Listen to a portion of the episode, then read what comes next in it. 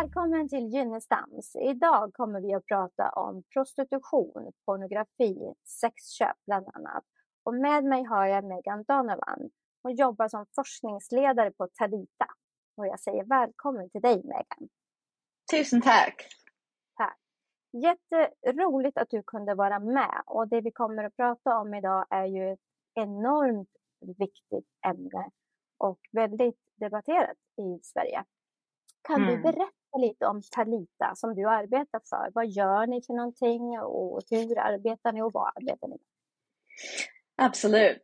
Vi firade igår faktiskt vår 20-årsjubileum. Så vi etablerades eh, 2004 och eh, vi etablerades av mina chefer Anne Sander och Josefina Appelqvist som vid den tiden var ut och gjorde väldigt mycket uppsökande arbete bland kvinnor i prostitution eh, på Malmskillnadsgatan. Och de såg redan då att det fanns väldigt lite stöd till kvinnor som ville lämna prostitution. Och det gemensamma liksom, röda trådet de såg var att de här kvinnorna hade väldigt, väldigt mycket eh, trauma. De hade utsatts för väldigt mycket trauma under sin uppväxt. Eh, och även under tiden de var liksom utsatt i prostitution. Så efter det så bestämde de sig för att starta organisationen och började utveckla ett program, ett långsiktigt exit-program. Vissa kallar det för exit-program, men det, det, viktiga är, det viktiga är att det inte bara är att lämna prostitution, utan det är att att börja något annat. Att komma in i något annat. Um, så någonstans har vi under de här åren lyssnat på kvinnorna och förstått vad det är som de behöver för att komma och alltså lämna prostitution för gott. Och vi erbjuder eh, ett, först ett år av eh, skyddat boende eh, med traumaterapi, med psykoedukation, med praktikplats och liksom jobberfarenheter eh, planering och andra liksom, eh, ja, men praktiska eh, vad ska man säga, inslag. Eh, det kan vara att lära sig språket, det kan handla om att komma in i någon, liksom, något sammanhang. Eh, det kan handla om att liksom lära sig att göra sin egen budget och så vidare. Så väldigt liksom både det här liksom terapeutiska rehabiliteringen men också väldigt praktiskt att komma tillbaka in i liksom samhället. Eh, och antingen så stannar de ju i Sverige eller så hjälper vi dem att återvända sig till sitt hemland. Eh, och efter det här första året så har de även fortsatt stöd eh, till exempel på vår ehm, utslussningslägenheter kan de bo. Eh, och vi fortsätter med till exempel terapi utifrån deras behov. Eh, så det är alltid de som som styr liksom, eh, ja, men stödet. Eh, vi försöker anpassa vårt stöd utifrån deras unika eh, förutsättningar och situation. Och det är det som verkligen är liksom nyckeln i det här. Dels att det är långsiktigt stöd, för det krävs väldigt liksom, lång tid att kunna bearbeta eh, alla de här trauman man varit med om eh, och landa och eh, ja, men komma vidare från allt det här liksom övergrepp och våld och eh, utnyttjande, eh, utnyttjande. Men eh, sen, sen krävs det också att man behöver anpassa stödet eh, och det är det som vi, vi kan och lyckas göra. Det är verkligen en nyckelfaktor. Mm.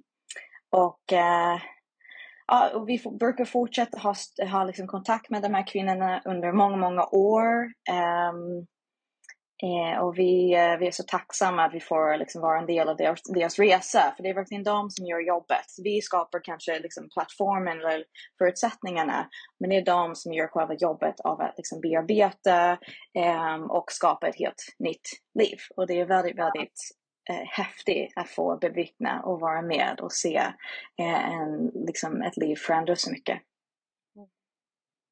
Otroligt fint, mm. otroligt viktigt arbete. Jag tänkte höra, vi kommer ju i det här avsnittet att prata om sexköp, prostitution, pornografi. Kan du dra lite skillnader mellan de här, äh, pornografi och, och andra delar av sexindustrin? Ja, men vi har både i vårt arbete, dagliga arbete, men också i den forskning jag har gjort så har vi ju sett under många års tid att det här liksom hänger ihop. Det går inte att skilja kommersiell pornografi från till exempel prostitution och andra delar av liksom sexindustrin. Och vi vet ju att de män som tjänar pengar på det här, alltså hallickar, människohandlare, de vill alltid hitta nya sätt att um, maximera sina vinster och skydda sig själv, liksom minimera sina risker. Och därför skapar de hela tiden nya eh, former och nya sätt att på något sätt lura in eh, framförallt unga kvinnor och tjejer. Så till exempel senaste så ser vi det här liksom fenomenet sugar dating. Alltså man kallar det för mm. olika ord. Det är samma essensen är samma, men genom att liksom formulera om och på något sätt försöka glamorisera, då har de lättare att liksom att um, ja, men grooma in, lura in liksom unga kvinnor och tjejer framförallt. Är det mer accepterat då på något sätt? Ja, dels man... det. Alltså, dels har vi ju sett till exempel utvecklingen och den här explosionen av den plattformen Onlyfans till exempel. Och det är ingen mm. slump att den växte otroligt mycket under pandemin när man inte kunde röra sig lika mycket. Man hade väldigt, många hade det väldigt svårt ekonomiskt och mäns efterfrågan på att få tillgång till kvinnors kroppar minskade inte utan den ökade um, snarare. Och um, och genom att använda ord som till exempel sociala medier, som modell, som influencer, som content creator. Alltså man ser hur språket är så viktigt. Alltså ja. det är verkligen ett försök att gömma det som det egentligen handlar om. Eh, och till exempel, jag gjorde en kartläggning för några år sedan där vi såg hur de på plattformar i Sverige använder till exempel uttryck som ja men varför nöja sig med likes när man kan få betalt? Alltså de vet vilken kultur, vilken influencer, bekräftelsekultur som unga tjejer växer upp i idag. Um, mm. Och det blir en så himla lätt liksom, eller tydlig glidande skala från att liksom, lägga upp lite kanske utmanande bilder till att kanske ta en fotbild. Uh, och samtidigt så, så finns så galet många män som frågar unga tjejer, eh, kan du skicka naken bild, kan du sälja mm. och så vidare. Så det här mm. liksom händer hela tiden och någonstans mm. så blir den här normaliseringen så, um, så tydligt. Um, och därför blir det inte ett så stort steg från att lägga upp en till exempel bikinibild till att sälja det och så småningom kanske hamna i liksom mer grov pornografi. Um, och sen kan jag också se att inom vårt arbete på Talita så har vi ju sett hur de här hänger ihop också, alltså pornografi och prostitution och olika delar, olika former av sexuell exploatering. Eh, till exempel vissa av våra klienter har till exempel utsatts för människohandel i porrindustrin och sen så småningom hamnade i prostitution. Andra har filmats eh, för pornografi samtidigt som de eh, köptes och sålde, sålde liksom sexuella handlingar. Ehm, så det går inte att skilja och det blev mest tydligt under vår senaste forskningsstudie, eh, Osynliga mm. brottsoffer, som blev en del av mm. den här senaste statliga utredningen om eh, pornografiproduktion. Där var det verkligen så tydligt att så fort det finns en ersättning med i bilden mm. så handlar det inte om kvinnans egen lust, sexualitet, det som hon vill, utan det handlar om köparens villkor, förväntningar och krav. Um, så det visar sig att essensen är samma oavsett om det finns en kamera eller till exempel dator i rummet. Det är fortfarande en sexuell handling mot betalning som har väldigt tydliga och allvarliga konsekvenser. Mm. Ja, jag lämnar mig där. Ja, och jag tänker på det du säger där med normalisering. Alltså hur normaliserat är sexköp i Sverige idag? Eh, ja, alltså senaste undersökningar så ser man att ungefär en av tio män har köpt en kvinna i prostitution. Och det är oftast kanske mest utomlands som det sker. Men sen vet vi att det finns väldigt många kvinnor och andra som eh, utsätts i prostitution i Sverige. Så vi vet att det sexköp liksom sker. Och vi vet också att enligt polisen att de har sett en tendens av att liksom att yngre killar också köper sexuella handlingar. Um, och de, enligt dem så, tänk, alltså, så tycker de att det har väldigt mycket att göra med pornografi och den normaliseringen. Att man, man lär, lär sig att objekt, objektifiera kvinnors kroppar och det blir inte så himla, för vissa, ett stort steg från att liksom titta väldigt mycket till att vilja gå ut och köpa um, i ja, realtid. Och, ja. Eh, och det blir också hmm, Ja, men det är också mycket mer normaliserat att till exempel följa och prenumerera ett konto på Onlyfans eller att köpa en så kallad camshow. Och det har väldigt mycket att göra med så fort man lägger på ordet pornografi på någonting, då ser man det som mm. lagligt. Då ser man det plötsligt något helt annat, trots att vi vet att det är liksom mm. samma mekanismer och liknande konsekvenser. Och därför är det så himla, vi känner oss väldigt tacksamma att en nyligen släppt utredning har faktiskt föreslagit eh, en utvidgning av sexköpslagen till att inkludera även digital prostitution. De har förstått, eh, precis som vi i Sverige har förstått att digitala våldtäkter är ju våldtäkt och ska behandlas och erkännas som våldtäkt så måste vi också förstå att digital prostitution är fortfarande prostitution. Um, bara, för, bara för att det finns en kamera i rummet eller en liksom skärm mellan köparen och säljaren betyder inte att det är något helt annat, utan det är samma. Samma mekanismer, liknande konsekvenser. Mm. Och jag tänker det du pratade om, man, man tänker på prostitution, men som Malmskillnadsgatan, innan internet och allt det här. Mm. Och jag mm. tänker utvecklingen och idag när det är så lättillgängligt och att de hittar nya vägar, nya begrepp yeah. eh, och gör det liksom lite snyggare, finare och lockar in kanske unga tjejer som på Onlyfans och det här att det är mycket, mycket lättare idag att få hur ser, hur ser den utvecklingen ut om man säger i statistik? Ja, forskare har ju verkligen eh, uppmärksammat den digitala naturen av liksom sexindustrin nu för tiden. Så det är ingen liksom tveksamhet kring det. Um, och um, jag brukar säga att liksom sexindustrin aldrig varit närmare våra döttrar, alltså unga tjejer och även killar, men framförallt tjejer idag. Det, är bara, det finns mm. precis där på deras datorer, deras mobiltelefoner och det finns de som verkligen aktivt söker ut, skriver till, erbjuder liksom olika, eh, ja, men olika erbjudanden och så vidare. Um, och de, det är framförallt, det är klart att det är kanske framförallt de som är extra utsatta um, som ja, men som utsätts och har liksom riskerat att hamna i det här. Men nu är det verkligen liksom vilken ung tjej som helst som uh, ja. kan hamna i det här på grund av den här normaliseringen, groomingprocessen och um, vissa som jag har pratat med kände att liksom, när man väl hade sålt en bild eller en film då kändes det nästan för sent. Då hade liksom skadan skett och det var väldigt svårt att inte bara fortsätta. Um, mm.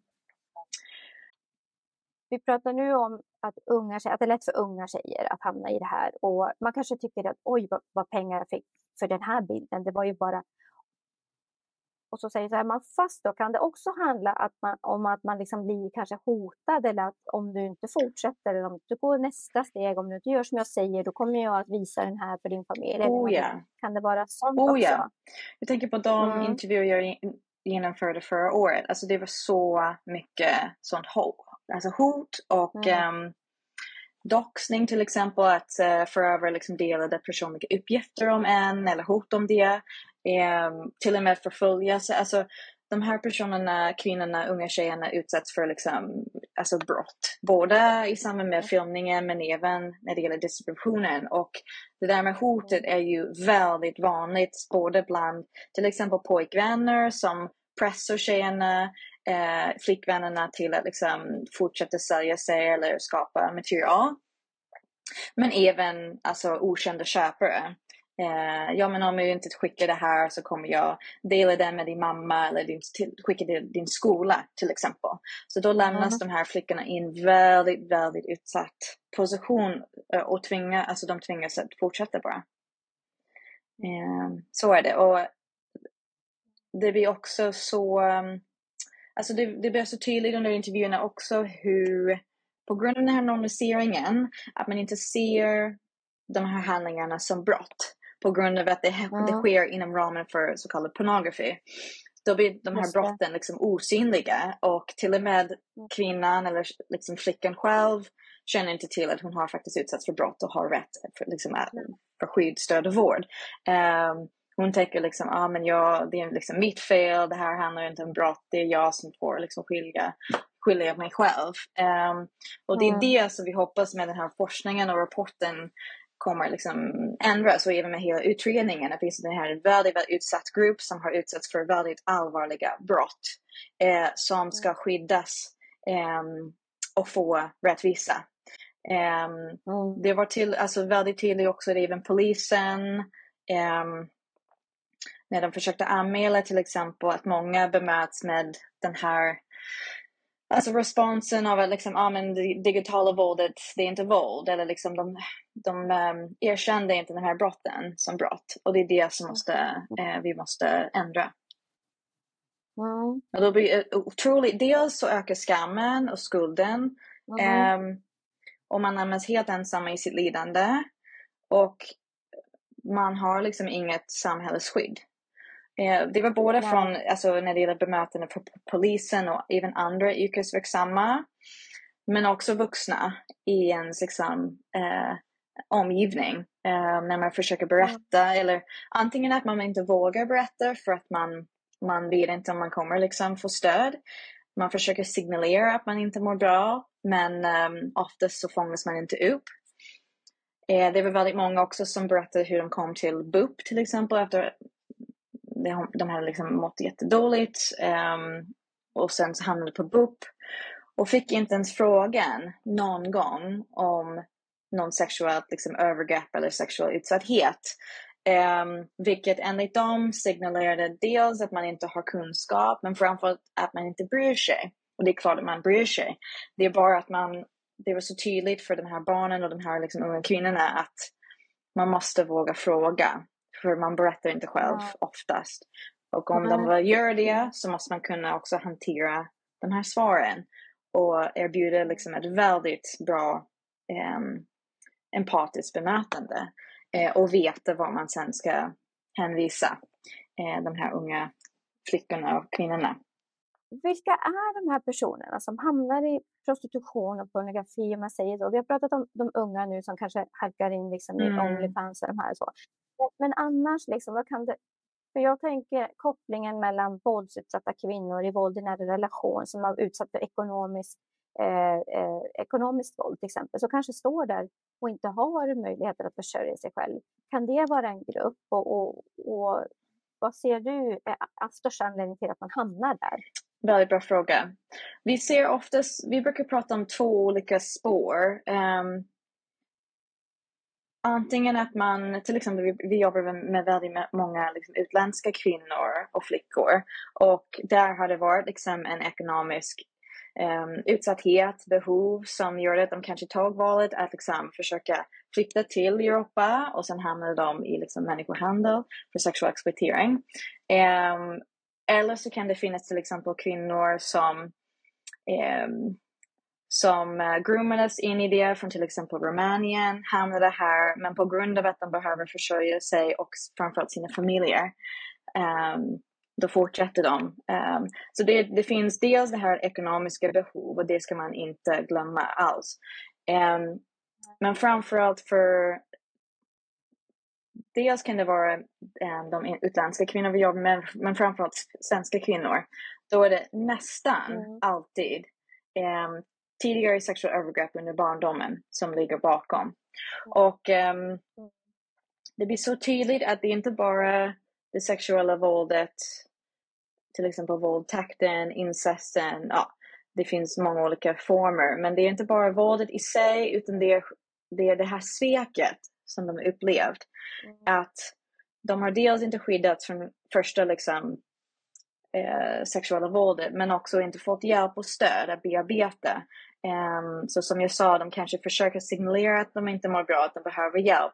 Uh, skolan, BUP, uh, familjen, många fångar inte upp det och tänker att ja, men hon, hon har mm. ångest och därför, har hon, därför skadar hon sig till exempel. Ingen liksom går på djupet. Uh, vad, vad handlar det här mm. faktiskt om? Och um, det är så många som beskrev hur liksom, den första våldtäkten um, på grund av att de inte fick stöd och hjälp att bearbeta så blev det så lätt att det, våldet och exploateringen fortsatte. Det blir nästan som ett, ett försök att dels dämpa ångesten. Så många, många, många beskriver det som någon slags liksom, försök att återfå kontroll när någon annan har kontrollerat sig. Det kan beskrivas som ett sätt att dämpa eh, ångest och det, det psykiska lidandet. Att utsättas för fysisk våld är lättare att hantera än det psykiska eh, smärtan man bär med sig. Eh, och någonstans har man också lärt sig att kunna till exempel dissociera, alltså olika överlevnadsstrategier som också krävs i, i prostitution och andra former av ehm, um, sexual exploitering. Så ja, vi har träffat väldigt många som beskriver hur liksom, de som barn utsätts för sexuellt trauma, sexuellt våld och hur det på något sätt, um, responsen till det handlar om att hamna i prostitution och, um, och sexindustrin. Och många pratar, jag har liksom tänkt på det här nyligen, och många pratar om det som, uh, som ett val. Och jag skulle snarare säga att det är en mm. respons. Det är liksom en respons mm. till det som man varit med om. Och det handlar om fortsatt våld och utsatthet. Uh, och någonstans behöver vi se det som en respons snarare än något slags val. För de här personerna beskriver det inte som mm. val, uh, utan de gör det för att överleva. Både ekonomiskt ja. och psykiskt. Och just det precis, därför att det finns så många som hävdar att kvinnor säljer sig frivilligt, att de tar betalt och de mår bra av det och, och, och sådär. Och jag tänker att fattigdom, kanske drogberoende, man tvingar av en hallick, att det är en enorm mm. utsatthet. Eh, så det där med att det skulle vara frivilligt och, och då kommer ju också den här, du får skydda mm, dig själv. Absolut, absolut. Det är precis det. Mm. Bara, ah, hon har valt det, därför får hon skydda sig själv. Utan att förstå mm. vilka vägar, vilka faktorer har verkligen påverkat hennes liksom, valmöjligheter. Det handlar inte om liksom, fri, alltså, val där man väljer mellan två olika bra saker. Det handlar om liksom, att man på grund av sveket, på grund av utsattheten har hamnat i den här, liksom, i den här banan och det är väldigt svårt ja, på grund av den här stora skammen, skulden, då brottas med att man, man hatar sig själv oftast. Um, och det är, inte, det är först när man börjar erkänna som ett brottsoffer, um, erkänna som någon som, ja men, till exempel att uh, en terapeut hjälper dem förstå den här kopplingen mellan sexuella övergrepp mm. som barn och sen att hamna i prostitution. Att förstå den kopplingen hjälper dem också att ha mer empati och förståelse för sig själv. Att liksom minska den här skammen och skulden och självförakten. Att bara, aha, det finns en förklaring här. Det är helt um, nödvändigt och um, ja, men livsförändrande. Liksom förstå det för att verkligen komma bort från det och förstå att man man har varit med om och utsatt för någonting man har inte valt. Ja. Eh, och som mina kollegor sa häromdagen, det handlar, det handlar också om att de, de, känner väldigt, de känner ingenting. Alltså känslorna har behövt stängas av mm. på grund av till exempel den här tidigare liksom, utsattheten. Um, så någonstans är det först när man börjar bearbeta och förstå och komma till en plats där man kan känna sig trygg och inte dömd och så vidare. Så man faktiskt kan börja känna och förstå eh, vad man varit med om. Och det har vi sett. Vi har ju, vi har ju tagit emot klienter som när de först kommer till oss bara ja, ja, jag har valt det här, det här är liksom precis det jag vill, eh, jag är jätteglad, det, det. Och sen när de först börjar liksom bygga förtroende för oss och eh, ja, men känna tillit för oss som de verkligen kan börja liksom den här fasaden försvinner. Och att mm. när de börjar liksom verkligen kunna känna någonting, då kommer alla de här känslorna upp. Och eh, den resan är lång och bland det tuffaste som finns. Och det är det som vi ser i vårt dagliga arbete. Men eh, som sagt, det Ja, jag ska inte, never mind. Hoppas det var ett svar. mm. Nej, men för jag tänker att som du säger att man, man måste Mm. stänga av för att överleva och sen att det tar lång tid innan man kan börja känna och faktiskt kanske då förstå vad man Mm. har varit med om. Eh, och att det måste ta enormt lång tid att, att, eh, att komma Mm. till bukt med. En annan en debatt som pågår nu också just det här med att enligt lag ska personer som säljer sex Mm. beskattas eh, och se det som vilket jobb som helst. Vad tänker du när du hör det? Ja, men man blir lite, man blir väldigt arg. För um, precis som vi har sett bland våra klienter, um, när man får till exempel en skatteskuld på 100 000, ja, men då, då blir risken att hon behöver fortsätta sälja sig för att, för att överleva liksom, ekonomiskt och betala av den här skulden. Så någonstans blir det bara, okej, okay, ska det verkligen um, enligt kopplerilagstiftningen de agerar lite som, som liksom hallick. Eh, det är klart att de, jag förstår Mm. att de inte, ehm, de säger att de måste följa liksom lagen, men de har egentligen gjort ett undantag när det gäller människohandel. De ser det som en ersättning, inte en inkomst. Så någonstans Mm. har de möjlighet att faktiskt förstå att det här handlar om en ersättning och en väldigt utsatt, liksom, utsatt grupp som inte behöver liksom ytterligare ehm, utsatthet från, som skapas av staten. Eh, så ska det inte vara. Och jag tänker att kanske alla brottsoffer eh, borde kanske kunna eh, undantas från eh, det här skatte, skattekravet. Men, eh, men nej, vi, vi kämpar för det. Och det kom först upp bland, eh, från en av våra klienter som beskrev hur hon liksom hade den här skulden. Och eh, sen dess, sen vi har liksom lanserat vår kampanj om just det här, så har många, många fler kontaktat oss och berättat om dem i samma sits. Um, så det är verkligen kvinnorna själva som på något sätt driver det här. Och um, det är tack vare dem som vi har fått um, ja, men uppmärksammat det här. Mm. Och det, det verkar finnas eh, politisk vilja att se över det här och, och liksom se till att det förändras. Men um, vi ska inte backa tills vi ser liksom, att det skett. Nej.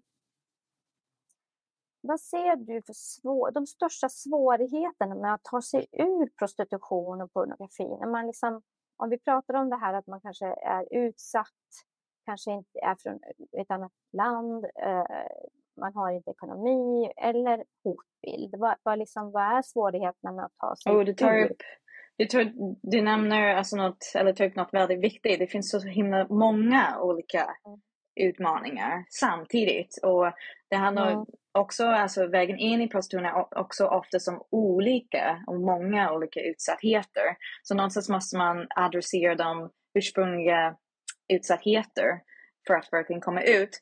Um, jag tänker på det som är kanske det som är det mest utmanande är väl att man har ja, men väldigt olika behov och hur ska de behoven samordnas och um, um, tillgodoses. Alltså någonstans i, i vårt system så har man delat upp det väldigt mycket. Ja, just det, du har det här problemet, då går du dit. Om du har det här, då går du dit. Eh, och precis som både de kvinnor vi mött men också intervjuat eh, berättat för oss. Alltså man hamnar mellan stolarna så lätt. Det här är en så himla utsatt grupp eh, som har de här traumorna och eh, man... Eh, ja men för att komma ut så måste man delvis liksom bearbeta de här traumorna men också få ordning på sitt liv. Och att inte ha någon som samordnar och ser till att antingen är alla insatser är på samma instanser på en och samma eller under ett och samma tak. Eh, eller åtminstone någon Mm. som liksom följer med och samordnar och ser till att just det här mötet måste ske eller det här liksom pappret måste in. Det är någon, någonting som vi på Tlita har förstått under åren. att Liksom vi, vi blir en väldigt liksom, viktig aktör även när det gäller liksom att bara se till att den här kvinnan integreras i samhället och faktiskt får sina olika komplexa behov tillgodosedda.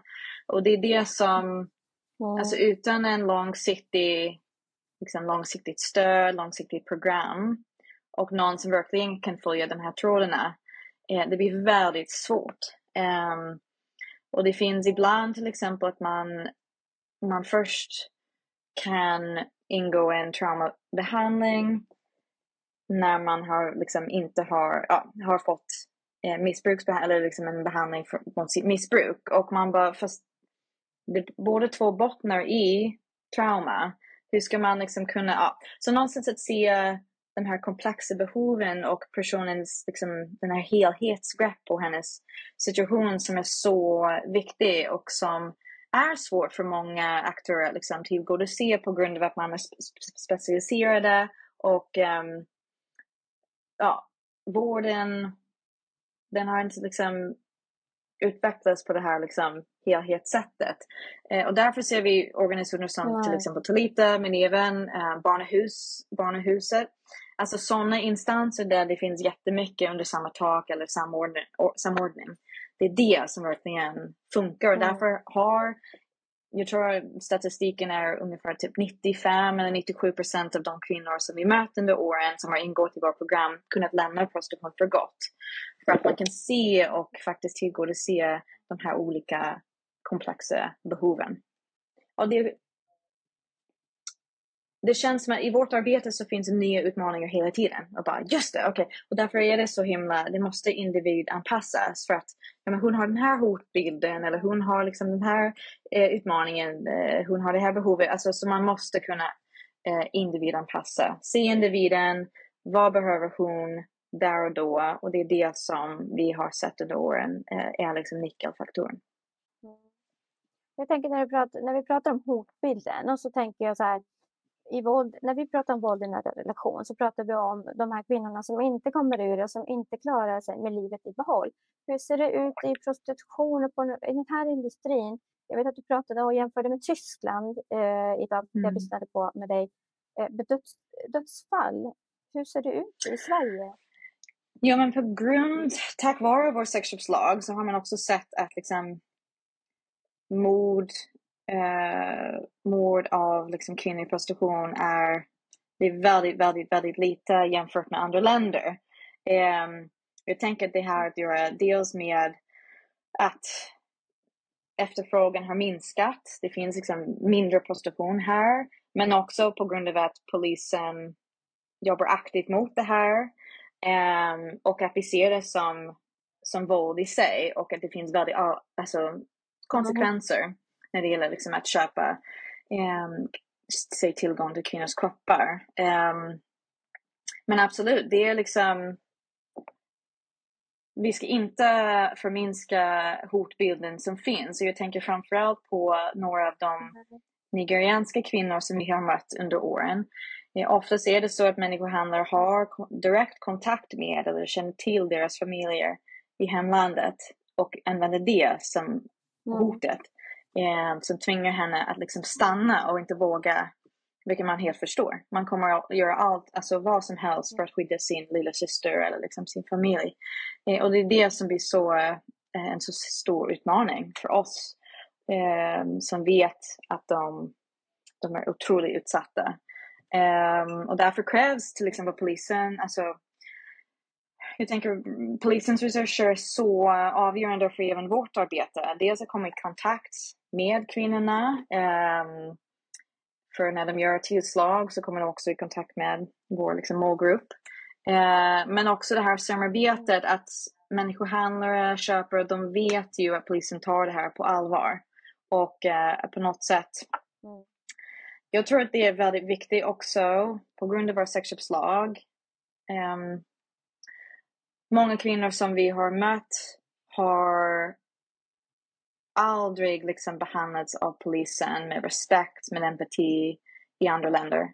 Och sen så kommer de hit och för första gången så ses de som människa, som brottsoffer, bemöts med respekt eh, och empati. Och det är så himla, det gör en så otrolig skillnad och kanske är ja, men en av de viktigaste faktorerna till att de faktiskt vågar ta emot hjälp och liksom, till exempel ingå i en rättsprocess och så vidare. Alltså det är så viktigt och det är tack vare vår liksom, lagstiftning och sättet vi ser på det i Sverige eh, som det har eh, som skapat det.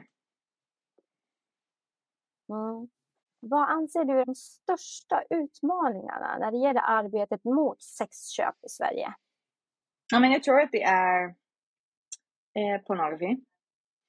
Jag tror att ja, men dels så tyder forskning eller vissa forskningsundersökningar um, har, ju, har ju sett hur um, hur hög konsumtion av pornografi eh, alltid finns med i bagaget bland de här sexköparna. Även hur de pratar. Det finns, just det, jag tror inte det har släppts ännu, men jag vet att det finns forskning som pågår där eh, en kvinna har intervjuat sexualbrottsdömda eh, som eh, berättar hur pornografi har påverkat dem. Och ehm, jag kan inte säga så mycket, men det som jag har liksom hört är att ja, även där så ser man den här tydliga kopplingen. Och jag tror att det, ja men dels så när man växer upp med de här bilderna så börjar man från en väldigt ung ålder kunna objektifiera någon annan. Um, vilket då, det är klart att pornografi påverkar inte alla på samma sätt, men någonstans så finns det ändå, det, det blir en riskfaktor till att så småningom gå ut och liksom, ja ah, men nu ska jag liksom gå och köpa en kvinna eh, in person istället. Och speciellt om man till exempel, ja men den här liksom resan skulle man lätt kunna tänka sig ehm, um, sker. Um, att man börjar titta på väldigt mycket pornografi, så småningom börjar man till exempel skapa ett Onlyfans-konto, prenumerera, ja men det är på också, um, som de förstår. Uh, kanske börja köpa camshowar och sen är liksom steget till att köpa en kvinnlig prostitution väldigt lite. Alltså i, liksom fysiska, i form av fysiska träffar. Uh, så någonstans, mm. vi gör Hallickarna, människohandlare, de som tjänar pengar på det här, en väldigt tjänst när vi inte ser hur det här hänger ihop. Hur sexindustrin har olika mm. liksom, ansikten. Um, och jag tror och hoppas att alltså nu med de här viktiga utredningarna om just sexuell exploatering och pornografi, exitprogram och även om um, sexköpslagen, att det blir så, eller det har aldrig varit så pass tydligt att det här handlar om, um, om sexuell exploatering och uh, när man liksom konsumerar pornografi så bidrar med, man till den här exploateringen. Alltså det har aldrig varit så tydligt att konsumtionen konsumtionen um, ja, men det, det innebär liksom efterfrågan. Det är, och det, vi vet ju det är efterfrågan som, som avgör, som skapar den här industrin. Ehm, så när det gäller liksom arbetet i skolorna är det nu mer än någonsin så viktigt att man måste prata med unga, unga framförallt unga killar om eh, pornografi och eh, ja, men attityder som, liksom, ehm, som främjar och eh, normaliserar köp av kvinnors kroppar. Ja. Jag måste säga en sak till innan och det är just det här den här objektifieringen. Alltså, och jag läste också någonstans att man sitter och, och pratar på vissa eh, webbsidor och mm. jämför och, och liksom tipsar om olika kvinnor och kroppar och, och sådär. Och det, det är ju Ja, absolut. Man ser, man ser inte människan bakom, man blir en produkt. Och um, Precis. Ja dels påverkar det liksom kvinnan som utsätts och det påverkar även liksom en sätt på alltså alla möjliga kvinnor. Därför ser vi till exempel i Tyskland där det är helt lagligt och normaliserat att köpa kvinnor i prostitution att ja, men, uh, man tar för givet att man kan gå ut och köpa hennes kropp um, och man ser hur det, det har, har liksom helt och hållet att göra med ens människosyn. Och det är därför, alltså när man tittar tillbaka till varför vi fick sexköpslagen, så var det så att det, var, det blev så tydligt att vi inte kan uppnå ett jämställt samhälle om, om män mm. kan köpa kvinnors kroppar. Alltså kvinnor, för man kan inte bara skilja sin kropp från liksom, sig själv. Um, och det är det. Och vi har ju sett hur det påverkar även hela jämställdhet. Och eftersom det är så himla viktig del av det så har det också ja, men påverkar liksom, ja, men hela fältet, hela jämställdhetsfältet. Eh, jag tror att oavsett vad Tyskland gör när det gäller liksom jämställdhetsarbete så kommer man inte alls kunna komma väldigt långt om man fortfarande ser vissa kvinnor som köpbara. Eh, och det är det, man gör skillnad mellan vissa kvinnor, det här typiska klassiska liksom Madonna, eh, Madonna Hora liksom skildring. Att vissa kvinnor, mm. de är smutsiga, de liksom vill bli förnedrade och så vidare. Och sen andra kvinnor rena, mm. heliga liksom. Och så är det inte fallet. Precis som min mentor Hanna Olsen säger, eh, det finns inga horor, det finns bara kvinnor. Mm. Mm. Precis. Det var bra. Det avslutar vi med mm. med en liten paus här och sen så ska vi fortsätta prata så vi är strax tillbaka. Häng kvar.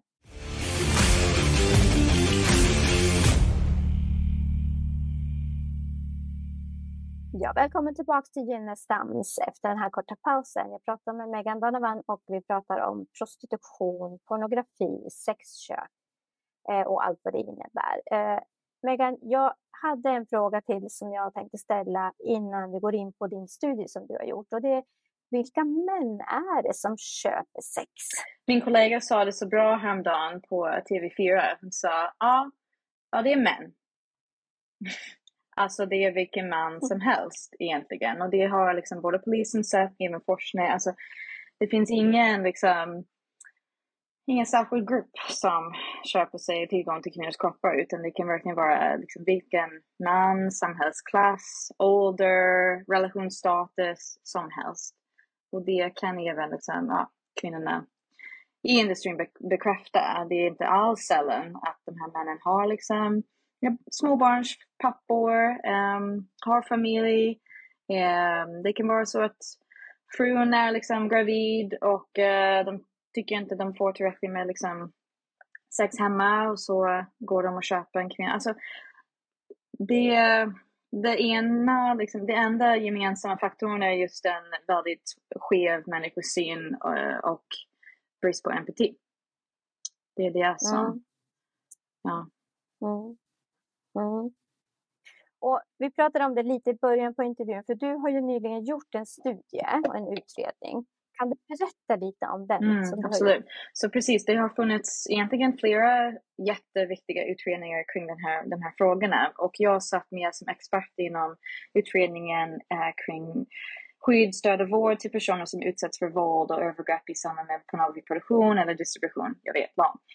Um, Mm, och sen fick jag och mina handledare i uppdrag att även genomföra, eh, eller genomföra en forskningsstudie um, som blev en intervjustudie med eh, 26 personer som hade förekommit i pornografi, som hade liksom ut, eller varit i eh, pornografiproduktion på något sätt. Eh, så den här studien, ehm, där ställde vi dels olika direkta frågor i form av en enkät om eh, uppväxt, uppväxten, eh, erfarenheter av till exempel våld, övergrepp i samband med produktion och distribution. Ehm, och även erfarenheter om skydd, stöd och vård, eh, kontakt med olika myndigheter. Och sen andra biten av intervjun var liksom en djup intervju där jag hade några frågor att utgå ifrån, men det var mest de som på något sätt ledde samtalet och ville liksom, fick möjlighet att prata om det som de tyckte var viktigast. Um. Och um, ja, men där, det som var väldigt spännande är att de hade väldigt tydliga råd och medskick till olika eh, samhällsgrupper eh, som jag gärna mm. berättar mer om sen. Mm. Och utredningen heter ju Osynliga brottsoffer. Vad var det som gjorde att ni valde det namnet? Precis, forskningen. Mm, forskningsstudie. Ja, men det var för att det blev så tydligt för mig under de här intervjuerna att eh, brott är så vanligt inom pornografin. Men det ses inte som brott. Det, eh, de är osynliga och de här personerna som utsätts för de här brotten är osynliga också. Det är liksom hela samhället som på något sätt ser allt som sker inom ramen för pornografi som eh, helt lagligt. Mm.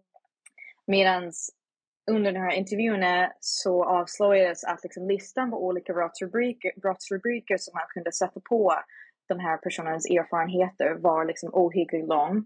Mm. Eh, det var allt från människohandel, incest, gruppvåldtäkt eh, till liksom sex. Alltså, det fanns, så, det, det fanns så många olika brott som den här personen hade liksom utsatts för. Och oftast utan att veta att de faktiskt var brottsoffer. Och det är det som är så himla problematiskt. Um, så vi hoppas med den här rapporten um, att samhället ska börja förstå att det här handlar oftast om, om brott. Mm. Um, och att den här brotten ska inte försvinna bara för att man filmar brotten. Utan mm. filmerna ska vara bevis på att brotten mm. har begåtts. Ja, men för jag tänker direkt så här när vi pratar om brott. Dels för att liksom köpa sex är ett brott. Mm. Och sen det du utsätter kvinnorna för är brott. Mm. Men vad händer med de här brotten? Då kommer man liksom bara undan med de här brotten medan kvinnan är utsatt för brott som man inte gör någonting åt. Förstår du vad jag menar? Mm. Mm. Nej men alltså det, det handlar om både liksom rättssystemet som inte ser um, det handlar om liksom även samhället i stort. Alltså någonstans är budskapet som förmedlas till de här personerna uh, det är att liksom, det här är lagligt, det här liksom är helt OK. Så um, Just oavsett... för att det är pornografi då? Precis, precis. Ja. Och det ser man även i en, uh, um, en en rättsprocess eller en dom eh, som kom förra året. Eh, det var en kvinna eh, som hade utsatts i pornografiproduktion. Hon, eh, hon dels hade liksom missbruk, hade utsatts för ja, men, trauma under uppväxten, var en, i en väldigt eh, utsatt position. Hon offrade sig för att skydda och eh, rädda sin, sin väninna och började filmas av en så kallad porrproducent alltså när, när man läser domen så blir man, ja, ja precis, människohandel, alltså väldigt människohandelsliknande förhållanden. Eh, och hon så småningom fick, eh, ja men hade tillräckligt, alltså hade modet att faktiskt anmäla honom för det som hon var med om. Eh, så hon anmälde honom för våldtäkt och koppleri. Och först så bedömde tingsrätten att ja, det är våldtäkt, det är koppleri. Han har ju han har ju till och med betalat eller fått sexköpare att liksom komma in och köpa den här kvinnans kropp. Mm. Eh, det blev en, till och med en dömd sexköpare i hela den här liksom, eh, rättsgången, eh, eller rättegången. Eh, men sen valde hovrätten att fria honom för att syftet var pornografi och han hade skapat ett bolag med hennes namn i det. Så då försvinner de här brotten. Um, och budskapet för Forever är liksom, ah, glöm inte att sätta upp en kamera. Sätt hennes ja. namn i ditt bolag, då är du liksom good to go. Mm. Då kommer du undan. Och ja. budskapet till liksom offren är liksom det som du varit med om. Den fruktansvärda trauma och trauman som dessutom filmas och sprids till allmänheten till världen. De är, de är, du är inte brottsoffer. Du, bör, alltså, du har ingen rätt till liksom, skyddsstöd. Ja. Så det är så problematiskt på så många sätt och vi hoppas på, ja men dels den här utredningen som har föreslagit att utvidga sexköpslagen. Mm. Den är så viktig eh, och vi är så tacksamma att de har på något sätt förstått det här liksom eh, som digital prostitution. Men vår kritik mot deras slutsatser är just att de gör skillnad mellan digital prostitution och pornografi som skapas för allmänheten. Så om det skapas för en viss sexköpare som har beställt en sexuell mm. handling, ja men då är det straff, då är det liksom brottsligt. Då har han straffansvar. Mm. Men om en man har för syfte att liksom filma och sprida jättebrett, mm. jättestort, mm ja men då är det, då är det liksom, då är det inte prostitution, då är det helt annat. Och vi tänker att dels har det, en, alltså det saknas ett brottsofferperspektiv, för egentligen är det liksom spridningen till allmänheten som är kanske det mest, allra mest traumatiska. Va? Ja. Mm. Det är precis det som de många kvinnor vi pratat med har liksom berättat för oss. Um, men också att det skapar ett slags creephole i lagstiftningen, att man som förövare tänker, ja ah, men just det, okej, okay, så Så länge, ja men då, då, ser, då ser jag till att se ut som en porrproducent. Mm. Eh, själv identifiera mig som porrproducent, kanske skapa ett liksom, bolag eller ja, filma. Se till att man filmar. Då kan man både köpa sig tillgång till hennes kropp och eh, tjäna pengar på det. Mm. Någonstans så agerar de här porrproducenterna som både en sexköpare och en, en liksom hallick. Och det är det som är så problematiskt med den här skillningen. Så vi hoppas att um, man ska titta på, okej, okay, har någon betalat någon annan att genomföra en sexuell handling? Det är det som är det viktiga. Det är ja. essensen av liksom prostitution. Det spelar inte, inte så stor roll liksom vad syftet sen är. Man har ändå liksom fört eller förmått någon att genomföra en sexuell handling man egentligen inte vill. Eller mm. mot, liksom, för någon annan. Vilket när man tänker på vår sexköpslag och samtyckeslag, det går inte ihop.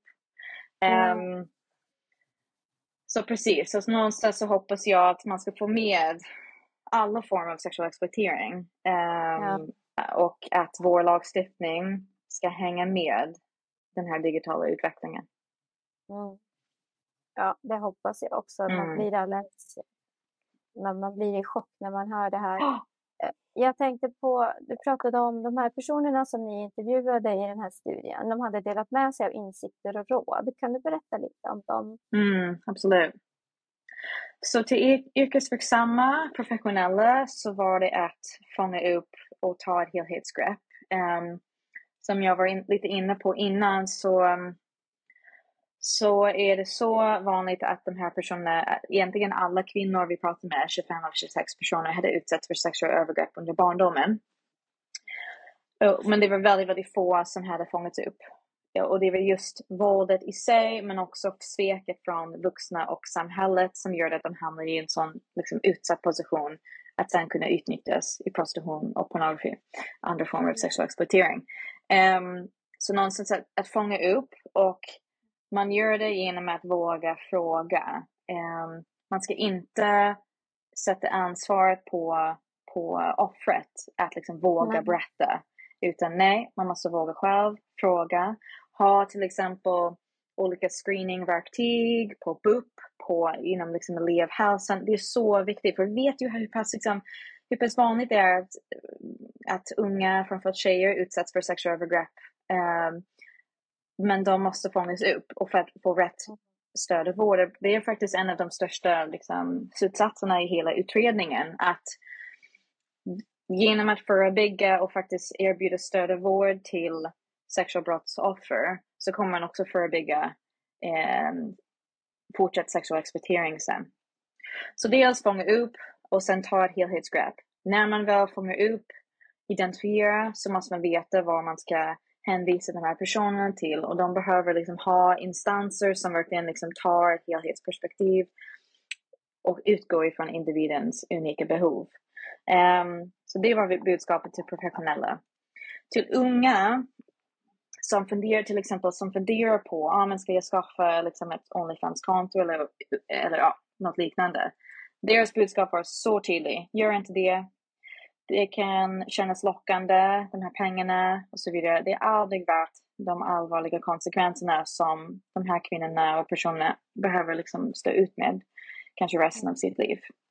Så supertydligt budskap. Um, men sen, um, sen till köpare och konsumenter, um, där var det väldigt tydligt att alla spelar en roll och du ska inte köpa den här rollen. Alltså hon, hon, hon gör rollen för att hon måste. Och um, man ska egentligen utgå och anta att hon inte är där frivilligt. Um, och de betonade vikten av att ta del av alltså offers, överlevares berättelser. Att liksom lyssna på de här life stories, berättelser om liksom varför man hamnat där. Eh, då kommer man inte kunna se sexindustrin eh, på samma sätt. Um, så jag ser bortom, ser bakom kameran, ser bakom liksom skärmen eh, och antar att hon inte vill vara där. Och sen till allmänheten var behov eller råd eller medskick var liksom att förstå och eh, alltså förståelse och empati. Och med för det så betonar de liksom kunskapen är nödvändig, att man ska förstå återigen varför man har hamnat där, vad finns det för faktorer som gör att man liksom hamnar där, eller att det handlar om en respons till tidigare sexuellt våld, sexual trauma. Um, för dem, de går runt med, som jag sa, det här liksom otroliga skam och skuld.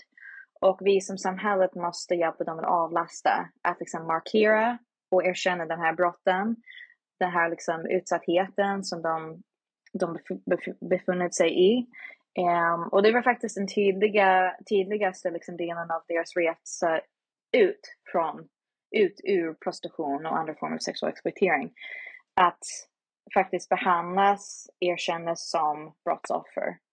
Um, istället för att, för de får med, eller de, hmm. Det är väldigt många som har kommunicerat för dem att ja, men hon får skilja sig själv. Mm, men när man väl förstår vilken liksom, otroligt traumatiska och eh, begränsade valmöjligheter de haft i livet så kommer man inte kunna säga eh, och tro samma sak. Så just empati, förståelse genom väldigt, väldigt mycket mer kunskap. Eh, och därför har utredningen även liksom dragit slutsatsen om en väldigt, väldigt stor behov, stort behov av en kunskapslyft genom poli alltså hela rättsväsendet, genom liksom mm, hela vården, bemötandet, förståelse, kunskapen är så viktig, men också genom hela samhället. Mm.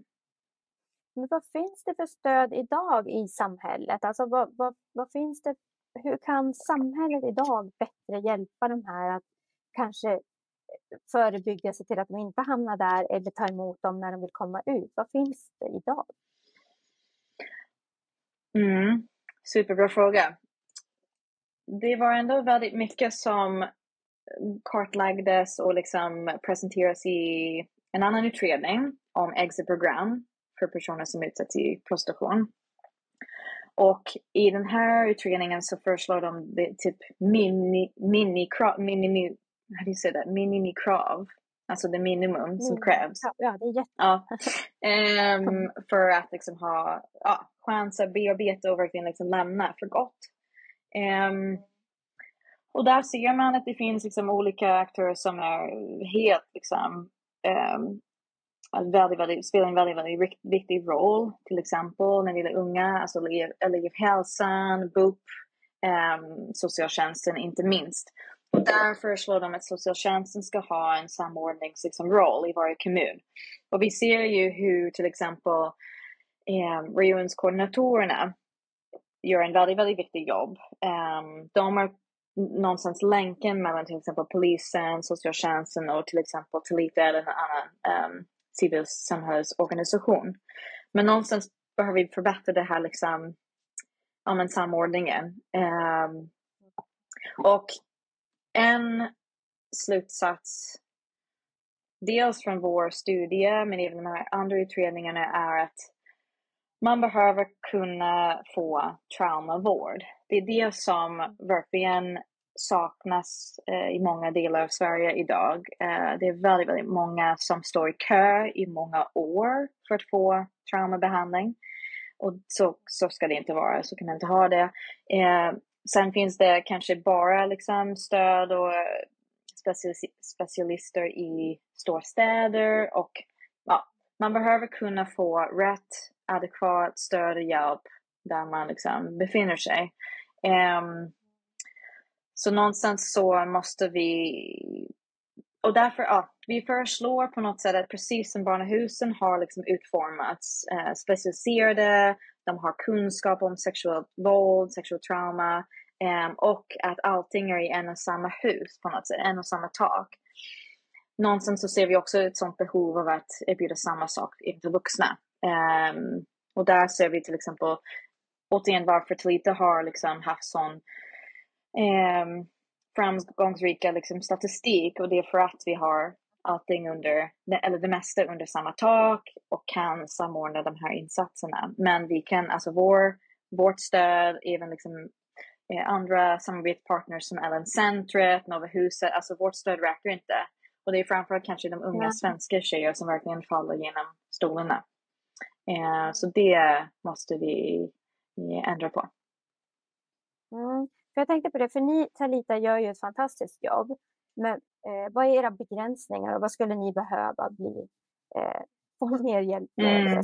Ja men det är väldigt, alltså vårt största behov eller utvecklingsmöjligheter just traumavård, alltså helhets och traumavård till framförallt svenska tjejer som kanske alltså verkligen har liksom kommit från otroligt traumatiska eh, uppväxter och kanske är i en sån, sånt liksom dålig skick att de skulle behöva dygnet runt vård och så vidare. Alltså det har vi inte möjlighet att erbjuda just nu. Um, så vi är liksom begränsade och vi, vi skulle gärna vilja säga ja till vem som helst som söker liksom stöd hos oss, men så, kan, så, så har vi inte möjlighet. Vi har inte de resurserna.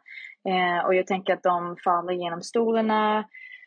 Ofta så, så skickas de runt, slussas de runt utan att känna sig sedd, hörd, förstådd um, och får inte rätt hjälp. Um, så vi skulle gärna vilja se att det fanns flera instanser, specialiserade enhet, enheter som förstår, har en trauma informerat, informerad approach um, och som kan erbjuda det här liksom hel, helheten, helhetsgrepp på deras situation. Absolut, det är det som vi verkligen hoppas på. Har vi någon, någon slags koll på hur många tjejer och kvinnor det är som befinner sig i eh, prostitution, pornografi, som har det här behovet av att komma ur, att kunna få gå ett exit-program och sådär. Liksom. Har vi någon slags statistik? Så svårt. Uh. Och så finns det såklart jättemörkertal. Ja, exakt. Så också. stort, precis.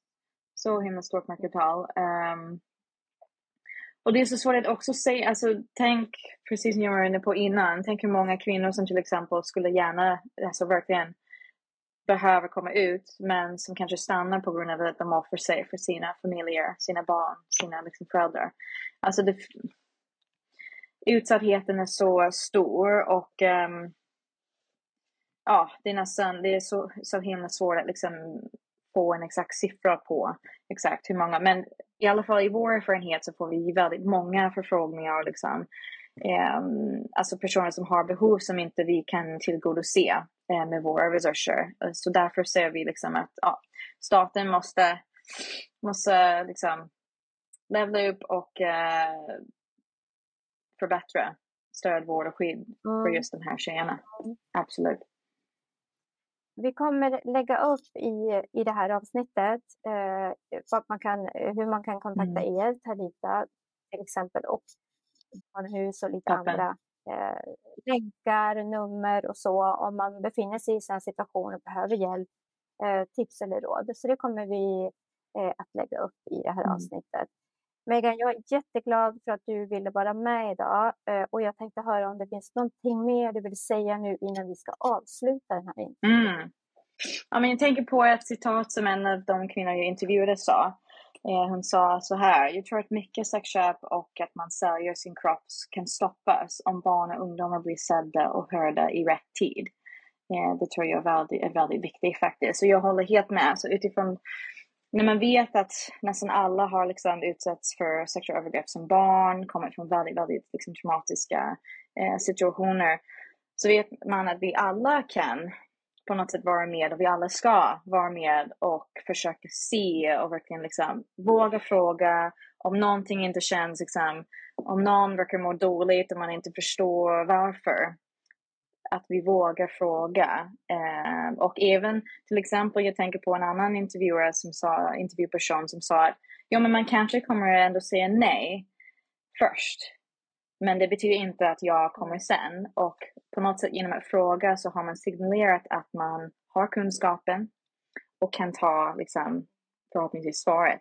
Eh, så vi vuxna behöver verkligen vara liksom, närvarande, visa att vi kan hantera svåra saker och ha de här jobbiga alltså diskussioner. Um. Och speciellt nu när våra barn är liksom på nätet. Eh, vi behöver liksom vara med dem och verkligen ställa frågor. Hur var din dag på nätet? Hur var din dag på skolan? Alltså, att inte se det här digitala som något, något annat. Att det inte är på riktigt, utan det är på riktigt. Och det är i, högsta, i allra högsta grad. Um, så någonstans så måste vi vuxna bli bättre på att, att se, förstå och vara närvarande i våra liksom, barns eh, liv. Mm. Jättebra och mm. jätteviktigt. Mm. Tack Megan för att du ville vara med Tusen idag. tack Jenna. Tack för att jag fick vara med. Ja. Och ni som har tittat och lyssnat idag, tack för att ni ville vara med oss. Glöm inte att trycka på prenumerera för att inte missa kommande avsnitt. Och följ oss även på Instagram och TikTok. Och ni har det så bra. Hej då!